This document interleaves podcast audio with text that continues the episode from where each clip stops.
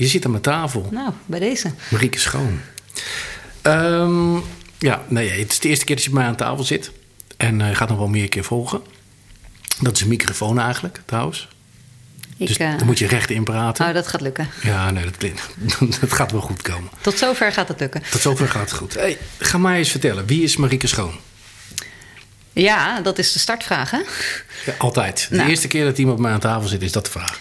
Nou ja, wie is Marieke Schoon? Marieke Schoon is iemand die, eh, denk ik, eh, heel enthousiast wordt van heel veel dingen. Sporten, eh, twee leuke kinderen thuis. maar ook heel erg enthousiast wordt van techniek en producten ontwikkelen. En dat allemaal bij elkaar probeert te combineren. Ja, kortbondig en precies wat ik wilde horen. Ik, ken je natuurlijk ook van... ik heb je ooit leren kennen bij MyLabs. En zo zijn we ook een beetje aan elkaar blijven plakken. Nu, nu, nu train je bij mij de trainingsgroep. Hey, wat ik even belangrijk vind is eh MyLabs. Ehm, iedereen kent MyLabs. Eh, Van horen iedereen- zeggen Van horen zeggen. En iedereen weet dat het timing is. Eh, en iedereen vergeet wel eens dat... eh, oh, die hond begint te knagen.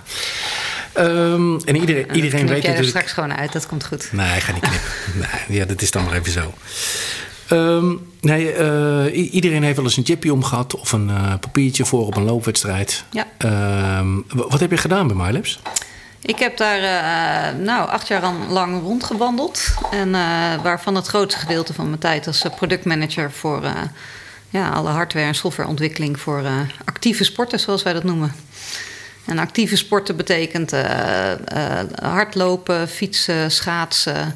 Alles waar mensen zichzelf voortbewegen en met een chippy of een tag achter een startnummer eh, hun tijd gemeten krijgen. Oké. Ja, wat, wat veel mensen niet weten is dat nou ja, MyLabs ook gelinkt is aan de Formule 1. Zeker. Dus dat alle timing die daar gebeurt eh, ook met MyLabs hardware gebeurt. Met het Ja. nieuwe protocol. eh, Dat is ook X1. precies de uitleg. Dus ze gebruiken de hardware van MyLabs. En eh, daar hangen dusdanige sponsorcontracten omheen... dat je dan natuurlijk niet direct mag zeggen dat je de timingleverancier bent. Maar ja, Oh, dus dat had ik zijn- niet eens mogen zeggen. ja nee, dat mag je wel zeggen. Maar volgens Formule 1... eh, ehm, ja, dat, dat- iedereen kent natuurlijk timing bij Formule 1 als Omega. Is dat, nee, Omega niet. eh Tak Heuer. Ja. Ehm, maar dat, is, eh, ja, dat, dat komt omdat die de sponsorcontracten hebben. Maar alle apparatuur die daar gebruikt wordt, is van MyLabs. Oké, dus ehm, hey, en ehm, ja, ik ken MyLabs als gewoon betrouwbaar. Ik ken die apparaten. Eh, wij ontwikkelen natuurlijk ook een klein beetje Ja. eh, op dit moment timing in de actieve sport. En wat mij verbaasde, ja, je wist dat die vraag ging komen, is waarom is MyLabs nooit in die, in die coachmarkt gestapt, in die, in die atletenmarkt? En is het altijd maar de wedstrijden? Ja, dat is niet alleen jouw verbazing, maar denk ik ook een beetje... eh, nou, persoonlijke ergernis, of niet? Nee, nee, nee, nee, nee, nee, nee, nee. Want stel je voor dat Nee, zij het ja. hadden gedaan, dat ik het nu niet hoeven doen. Ja. Nee, eh, ja, MyLabs is, eh, ehm, eh, ja, denk ik, groot in de wedstrijdsport. Ehm, en eh, de atleten, ja, trainingsmarkt is relatief klein. Hebben ze wel, eh, wel, wel wat producten ontworpen. En dat, dat, je kan je ronden tellen op de ijsbaan. eh, je kan je baantjes stellen in het, ehm, ehm, in het zwembad. Maar die markt is relatief klein. Terwijl eh, ja, de wedstrijdsport wereldwijd, dat zijn veel meer atleten. Dus dat is een, eh, ja, een logische keuze. En daar liggen ook de roots. Heeft het ook te maken met dat een loopwedstrijd al snel 25.000 tot 30.000 Ja. mensen met een chippy lopen of met Ja. een, eh met een biptagje? Ja. Ja. Ja. en ja, hoeveel atleten eh, heeft een topcoach? Acht, tien? Nou, dan heeft hij er veel. Ja. Ja. Nou ja, dus als daar een, eh, ja, weet je, als je daar een, als MyLabs een systeem voor moet, is en vaak voor de coach heel duur. ja. En het is ook, ja, klein. Is MyLabs een eh, innovatief bedrijf? Ontwikkelen ze veel? Ja, zeker eh, ehm, in de motorsport zeker. Ik denk dat ze daar met kop en schouders ehm, nog steeds bovenaan staan. Eh, in de actieve sporten zie je wat er wel wat meer concurrentie is, maar wordt ook wel doorontwikkeld. Wat, wat, hoe zie jij de toekomst in dat soort producten? Hoe, hoe zie jij de toekomst in de timingproducten voor verenigingen? Ehm, ja, ik denk dat je ook het antwoord al verwacht. Maar ik denk dat, dat, uh, dat techniek daar heel erg bij helpt. Um, maar dat het uh, staat of valt bij um, uh, dat het, dat het toegankelijk genoeg moet zijn. Dus dat het eigenlijk gewoon simpel genoeg moet werken. Ja, maar dat is wel een uitdaging. Hè? Bedoel, als je gaat kijken naar 100 coaches, heb je 100 smaken. Hè? Ja. De een doet dat veel en de ander doet zus veel. nou, er zijn een aantal gemiddelde delers. Maar wat voor mij verbaast, hè, waarom, waarom ik ook begonnen met, uh, met Robert Slippers een paar jaar geleden om dit soort dingen te maken, is dat uh, ik denk dat coaches al honderd jaar met een stopwatch in hun, uh, in hun handen staan. Terwijl over de hele wereld liggen lussen of apparaten. En ja, daar moet toch wel eens een keer iets moderns gebeuren in de plaats van een horloge. Ja, ja, mee eens. Maar ik denk ook dat dat gewenning is. En ik denk ook dat het een coach ook vaak wel gewoon bezig is van nou, ik vind de sport leuk, ik vind de atleet, uh, wil met de atleet bezig zijn en misschien minder snel um, dan in de techniek stapt. Ja, het moet wel een beetje automatisch gaan daar, denk ik. Ja. Ja, vanzelf. Ja. Dat is nog wel eens lastig, denk ik. En zeker met innovaties. Hè. Veel moet je knopje en dingen.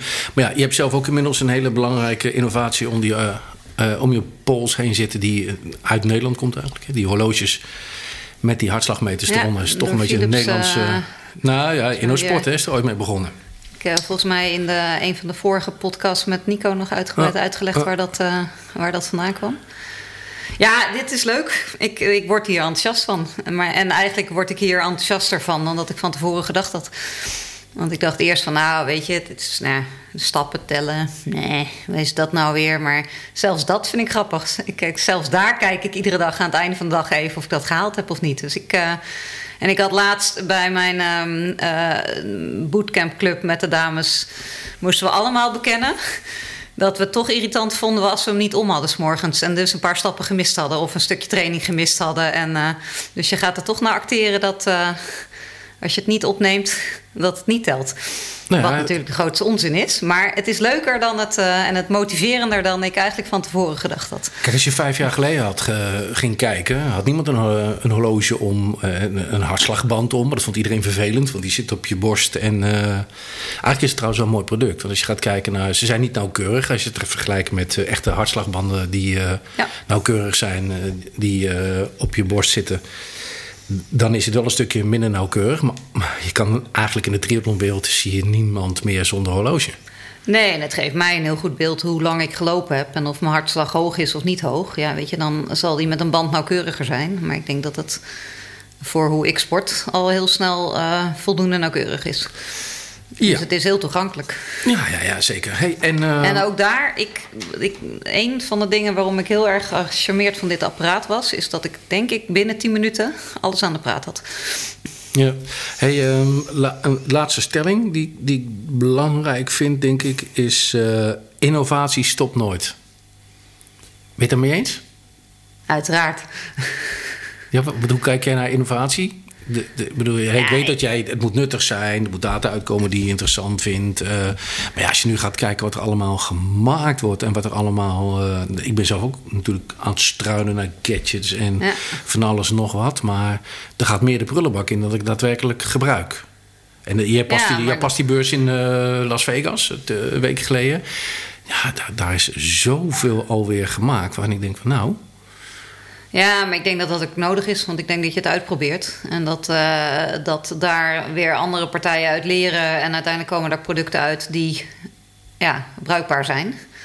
Eh, maar je hebt denk ik wel de creativiteit nodig om nieuwe dingen te blijven proberen. Ja, nou, dat is mooi. We gaan volgende keer nog eens eh, met wat andere zaken met jou wat, wat dieper in. en dat zal met name te maken hebben, denk ik, wel met timingsproducten. En ik denk dat daar, daar weet jij best Daar wel gaan we veel het van. nog even een keer over hebben, Daar toch? gaan we nog een keer uitgebreid over hebben. Hey, eh, dankjewel, Sver. Graag gedaan.